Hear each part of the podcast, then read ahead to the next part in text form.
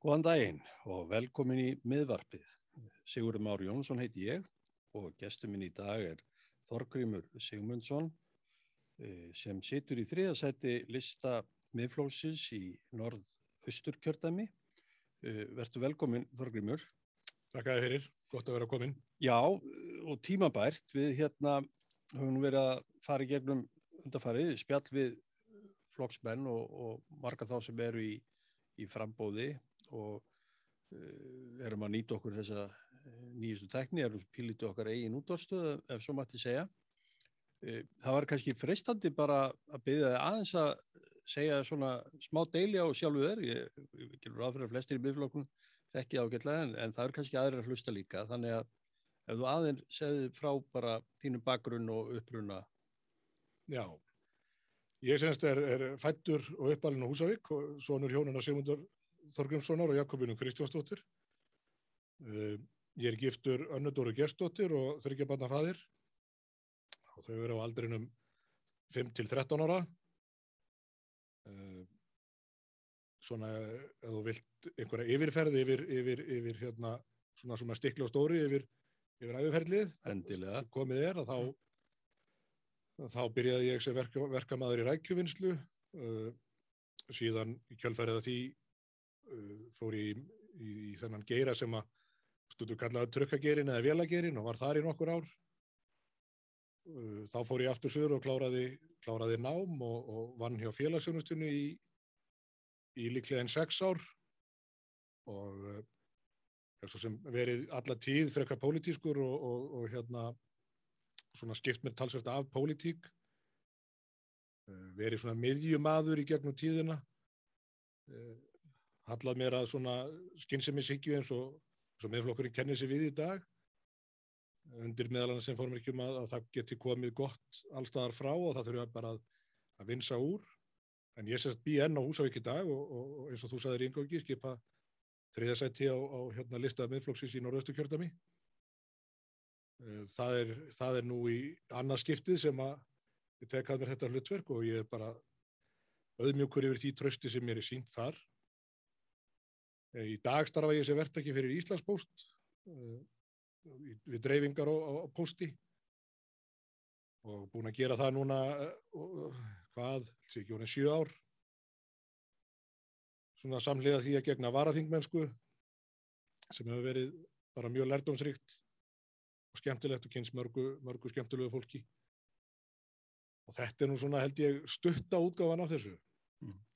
Já, takk fyrir þetta yfirleitt það væri kannski ég átti nú því ánafagna að akka í gegnum kjördæmið fyrir stötu síðan og, og eins og vanalega maður, maður kemur svolítið sem ferðamaður að, sunnan en, en þekki nú ágjörlega til í það og uh, það, er, það er nú alltaf, menn segja það er alltaf fagurt í sól allstaðar á Íslandi en, en þetta eru fallega sveitir og fallega byggðir og maður upplifir svona gríðarlega tækifæri og, og, og möguleika í, í byggðu, þessu byggðulansins en, en hvernig sér þú fyrir þér svona ef þú lítur á kannski kjördami í heilsinni og hvaða, hvaða möguleikar eru til framþróunar, atvinnumsköpunar og bætingar á mannlífi svona ef ég bæði aðeins að, að renna yfir það?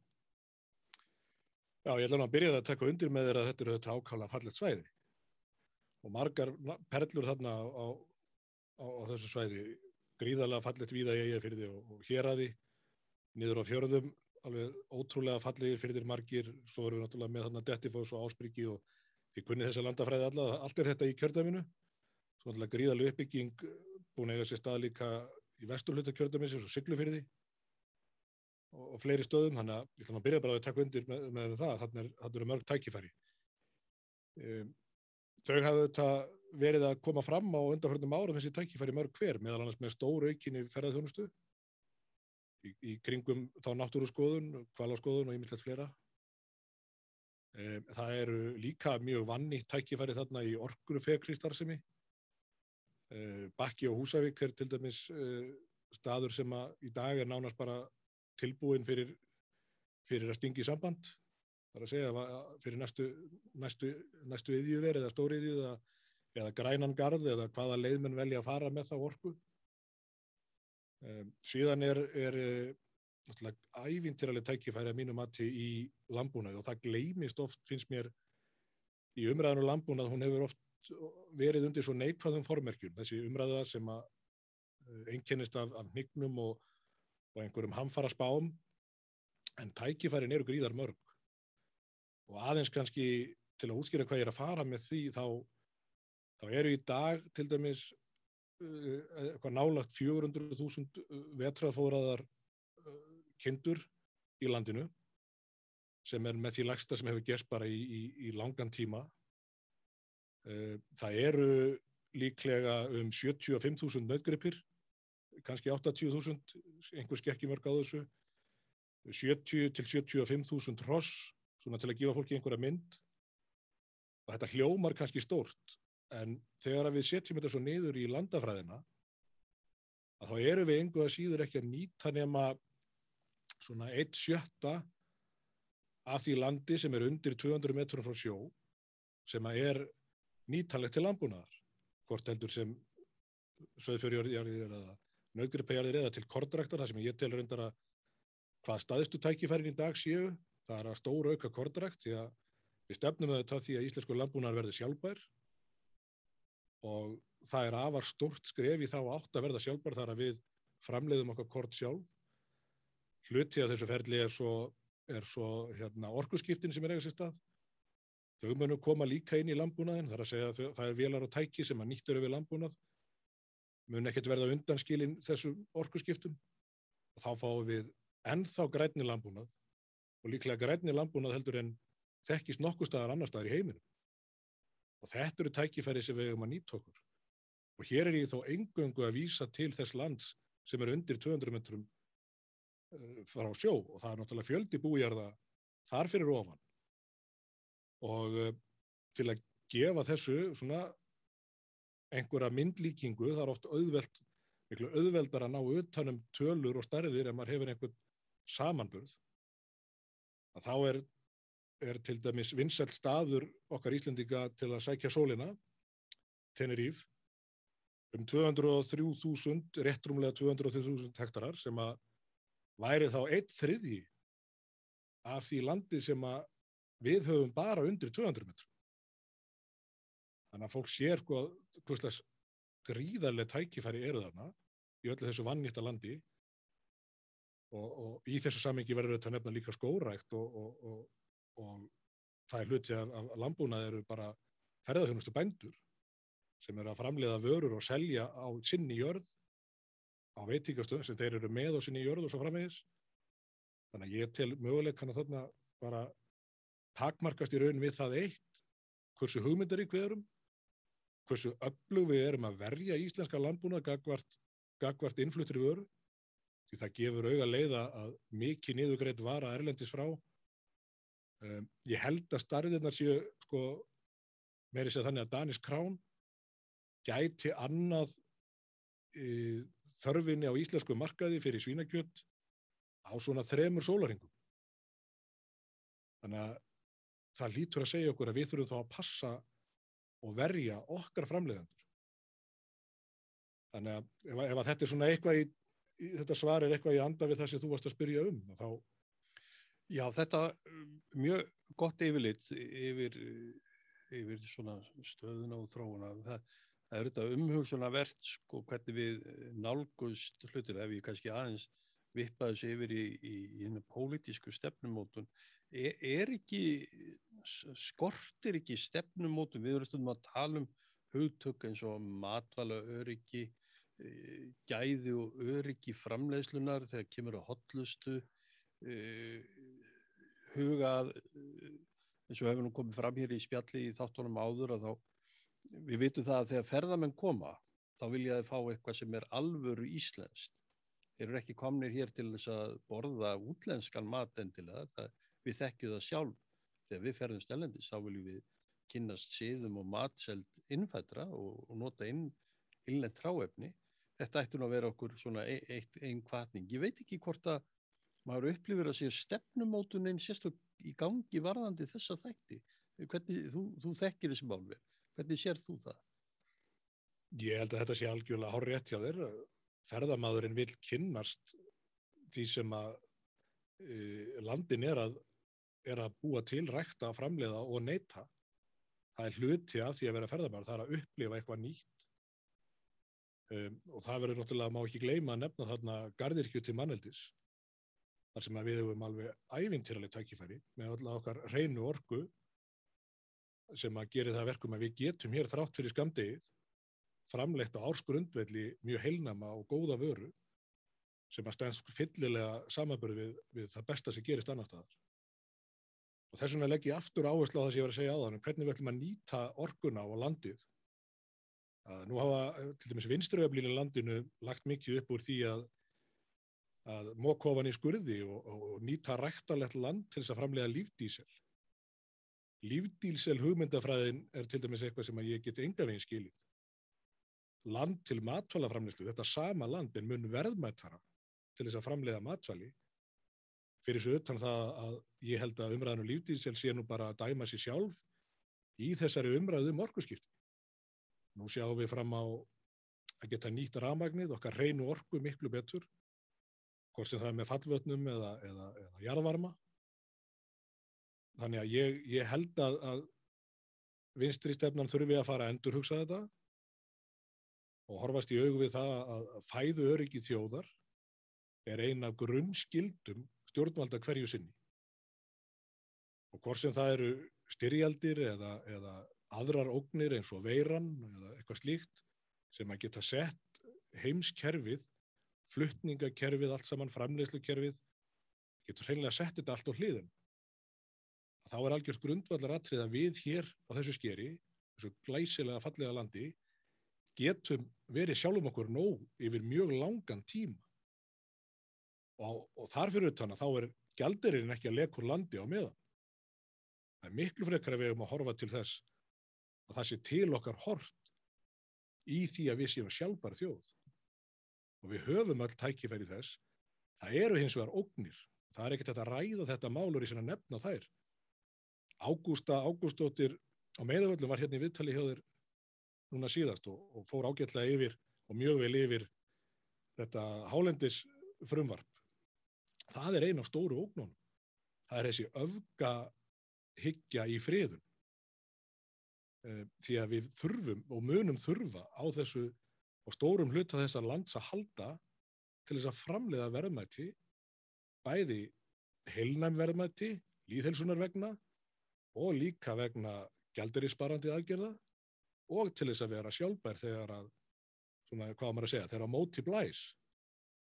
Við erum í miðju svona ferli og þess vegna þykir manni alveg með ó, ólíkindum að það skuli vera hér einhver hluti þjóðarinnar sem vil taka bara hér um byrj helming af Íslandi og gera þjóðgarði. Ég hvet fólk sem ekki er búið að því til þess að lesa þetta frumvarp eins og það var lagt fyrir.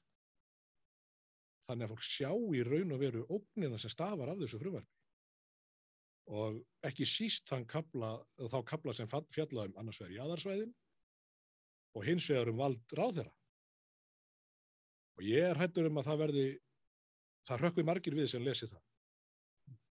Það er hérna uh, uh, góð, skemmtilegu samljómur í því sem þú ert að segja og því sem Ágústa sagði með týrundagi og þetta það eru þetta má alltaf velta fyrir sér líka uh, nálgun ein pólitísku sín nálgun á svona stór mál sem að hafa geta haft afdrifarík áhrif á, á þróun samfélag samfélagsins hér á, hér á landi og, og hérna einstöku sveita hér að og landsluta og það er eins og það sé svona viðleitni þarna að komi ykkur hugsulega röttað ofan mm.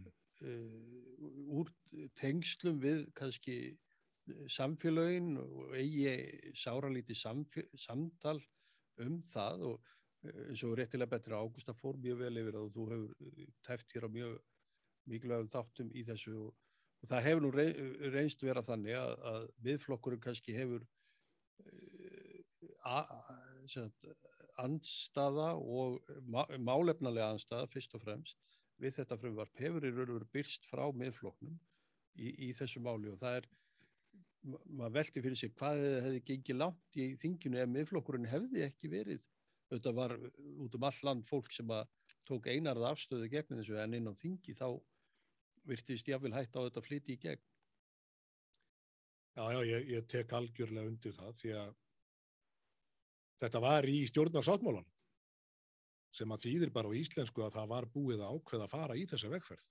að sjálfstæðismenn og framsólumenn geta bara ekkit Nei, nei, þeir, þeir geta það ekki og, og, og fulltrúar þeirra tóku þátt í að undirbúa þetta verkefni.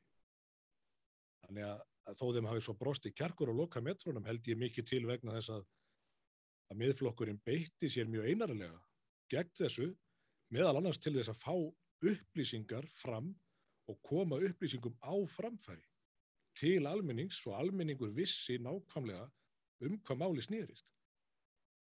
Og ég held að það megi bara summer þetta svolítið saman í að hér stóð bara til að búa til eina ríkis stopnunina enn og það alveg risa stóra stopnun með óbóðslegan startkostnað og næsta öruglega mikinn rekstra kostnað ef við horfum bara til þeirra þjóðgarða sem nú þegar eru komnir þá eins og gefur að skilja þar starfsfólk til að reka þetta. Þannig að þetta er stopnanaværing á hálendinu sem nú þegar eru að megninu til þjóðlendur hvort þið er.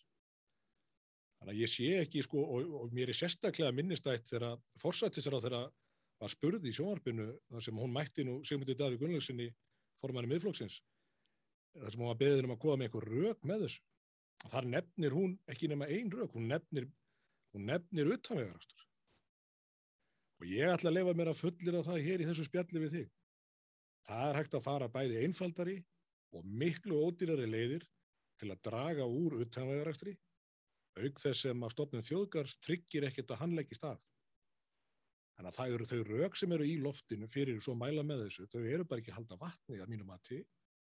Það þarf að hugsa þetta og skoða þetta allt upp og nýtt og virkilega bara leggjast yfir það, er þörf á þessu. Við erum öll sammálu um að verja hálendið. Við erum held í Íslendingar nánast öll náttúru vendar fólk. En hefur dulda markmið að mínum að til það er að koma í vekk fyrir frekkari nýtingu. Og það er nú bara hluti af því að lifa þessu landi, að við nýtum landið. Hvort sem það eru miðin til að, til að hérna, sækja fiskin, fallvötnin til að virkja þau, jarðvarmin til að virkja þau, jarðvegurinn til að yrkja og svo framvegis. Þetta er allt saman bara hluti af því að lifa í þessu samfélagi. En svo eru þetta margt annað sem brennur á fólki út á landi. Er ekki, þetta er ekkit einamáli þó þetta sé stórt ég leiði mér að nefna hérna kannski svo að ég ætli nú að taka stjórn á þessu viðtali en uh, samgöngumál til dæmis sem eru búin að vera eilíðarmál þegar kemur á landsbyðinu að nú árið 2021 þá er ennverið að vinni að tekna vekstað og breknahefi ég veit ekki hvað er búið að leggja fram marga tekningar en það er ennþá malavögur við úttekt júrorap á vegakerfi í Íslands þá var Suðurfjörðavegurinn metin einn hættulegasti vegkabli landsins. Og hver voru viðbröð stjórnvalda við því og viðbröð samgangur á þeirra við því? Var vegurinn lagaður? Nei, það komu vegurinn. Vegurinn er jafn lélugur, jafn mjór og með jafn ónýttar vegakslir eins og hann var. Þannig að það vantar svona, þetta er alveg hvernig ég orða það, það vantar finnst mér með fullri virðingu fyrir öllu fólki sem ekki býr á þessu svæði og kannski kemur sjaldan, það vantar bara skilning á þessum aðstæðum. Að það er bara nánast, ekki nema fyrir bara leiknustu bílstjóra, að mætast til dæmis á suðufjörðavegi á tveimur vörubíl. Setja, og þannig eru gríðarlegi flutningar sem eiga sér stað, fiskflutningar og þannig að það er svo margt sem vegum órætt. Á þessu svæði er þetta líka það sem kallast kallt svæði. Ég hugsa að það væri mörgum brugðið að þeir sæju hvað fólk er að greiða á þessum svæðum fyrir húsittunarkost. Það eru tölur sem eru algjörlega óhugulegar. Og það er eitthvað sem búið að tala um í mörg ári líka og, og gengur ákaflega hægt að breyta. Já, það uh, jafnun á, á hitunarkostnaði þegar menn rýna í réttlæti sjónamiðna baki þá eru þau ansi sterk en einhvern veginn þá verðist ekki sem betur verið erum við enn að finna jarð, jarðhitta og, og, og, og, enn, og enn má bæta í. Það er, það, er, það sýnir sig að víða er, er jarðhitt að finna það sem menn heldur að vera ekki. En það hlýtur að vera lámarka að reyna að tryggja jöfnun í ramarskostnaði í þessu landi, í þessu orkuríka landi þar sem allir fjörðungar er að leggja sitt til með, með orkumannvirkjum orkuöflun og öðru slíku. Það, þetta, þetta hlýtur að vera stert réttlændismál Já, það má nú kannski segja svona því að nú, nú, nú stýttist í kostningar og nú munu flokkarnir keppast við að friðmalast við ákveðna hópa í samfélaginu sem eru þeir sem eru að greiða meðal annars þessa háu húsitunarekninga þeir munu keppast við að friðmalast við bændur. Eh, þeir munu opna á umræðum verðtrygginguna. Og allt er þetta mál sem við sem hefum kannski fylgst svolítið lengi með vitum að poppa alltaf upp á fjóra ára fresti en okkur gengur ekkert með að breyta. Og það er, svo það sé sagt, það er vegna þess að skortir pólitískan vilja. Þó að kerfið segi nei, eða við insýðum að innlega hér einhverjar Evrópur reglugerðir sem að hamli okkur í þessu, þá er þeir öllur á botningvöld uh, þetta spurningum pólitískan vilja. Pólitískan kjark og pólitíst þór, því að sumt af því sem þarf að gera verður kannski ekkert vinsælt og ég get nefnt í þessu, þessu samanbyrði til að gefa þessu nú ennþá gleggri mynd að við erum hér með hóp sem að heitir eldriborgarar og hann á bara eftir að stækka með að hvernig aldustróðurinn er í samfélaginu. Og við erum ekki enn búin að standa við þá lofur sem við hefum gefið þessum hópi um betri kjör.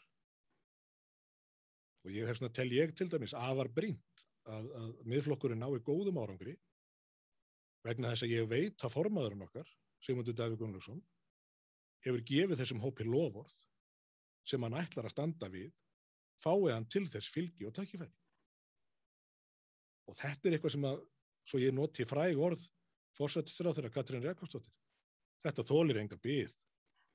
Nei, sannlega og, og góð, góð kvartning í þessum orðu. Það er kannski svona í, í í seti hlutan sem lága aðeins að, að, að segir maður um, byggðinn og, samfélagin orka stert á mann þegar maður byrtist alltaf þó maður gerir það kannski allt og sjaldan að maður fari út á land. E, svona byggða þróunin í, í helsinni svona e, balansin í, í byggða þróun í landinu maður sér jú, akkurir er til þess að gera sterkur byggðakjarni hefur möguleika hefur, hefur verið að eflast mörguleitu undanfærin ár og mörg sveitafélagin hafa styrst og elst en, en það kannski heldur samt ekkit í við byggðarþrónum. Við erum alltaf að sjá uh,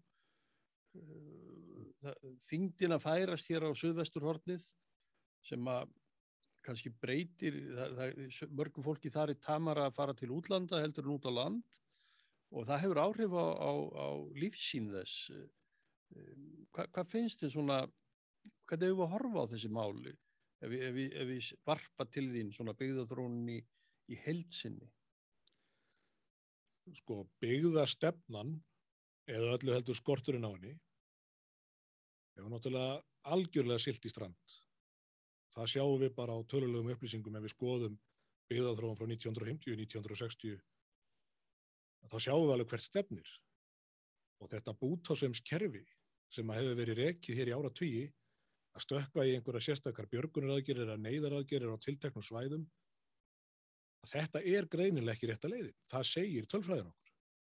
Þetta er kallað ímsum nöfnum. Þetta var kallað vestfjörðar aðstóð þetta var kallað brotattar byggðir uh, baráttanum kvöldsvæði og svo framvegis. Ég held að þetta þurfa að gerast með almennari aðgerum þurfa að gerast í gegnum breytingar á skattkerfinu og ef við, ef við setjum þetta í sem er svo gott og ég nefndi hér á þann í svona myndræðna samhengi þá eru við með líklega að verða eitt mesta borgur í Kefrup og það er ekkert margir íslendikar kannski sem hafa veltið fyrir sér er það þróun sem við viljum sjá? Að eh, ef ég mann tölurna rétt þá held ég að til dæmis Osloarsvæðið í Nóri sé nálagt 25% af hildarfjölda normanna en ef við tökum áhrifarsvæði Reykjavíkur sem að má alveg skilgrina millir kvítána tvekja að þá eru við að sjá í dag líklega upp undir 85% allra Íslandinga búa þessu sveiði og svo tala mennu jöfnun á vægi. Það eru allar stopnarnir komnar á þetta svæði. Allur massi fólksins komin á þetta svæði. Og það þarf bara verulega sterkar aðgerir, almennar sterkar aðgerir til þess að snúa þessari þróan við eða í það minnsta stöðvan. Og það verður ekki gert með svona smáskamta lækningum eins og hafa verið viðhæðar hér til ára tög. Nei, þú nefnir, það, það er kannski merkilegt að, jú, vilja svo sem ákveðin jöfnuð í, í, í, í atkvæðavægi og vikt hvers atkvæðis, en, en það er svo margt annað sem að stuðlar að, að ójöfnuði í, í þessu kerfi og sem að stundum verist nú bara ekki vera hluti af þeirru umræðu sem að emti til hér, fyrir, svona hér í, á þessu horni, ef ég orðaði þannig. Þetta sem þú ert að nefna, þetta hefur verið, menn hafa svo sem verið að setja þetta mikið á dagskrá, menn að rætt þetta og það hafa verið stefnum, það hefur verið stefnumótun einhverju gegnum tíðina en það er eins og það er eins og það náist aldrei að, að fylgja því almenna eftir hvað, ef ég spyrði því svona helstu lausnir, hvað, hvað segir þú fyrir þér í þeim efnum? Þetta er alveg rétt svo að segja því að sko fólk gleymir oft þegar að vera að ræða um vægið, það snýst ekki bara um kjörðuna fulltrúa, það snýst um ráðunitin, það snýst um stopnarnir ríkisins og það gríðala vald sem að, að embatismenn hafa það, en þeir voru þó ekki kjörnir, þeir eru ráðunir, það er pólitíkin sem á að stýra þessu.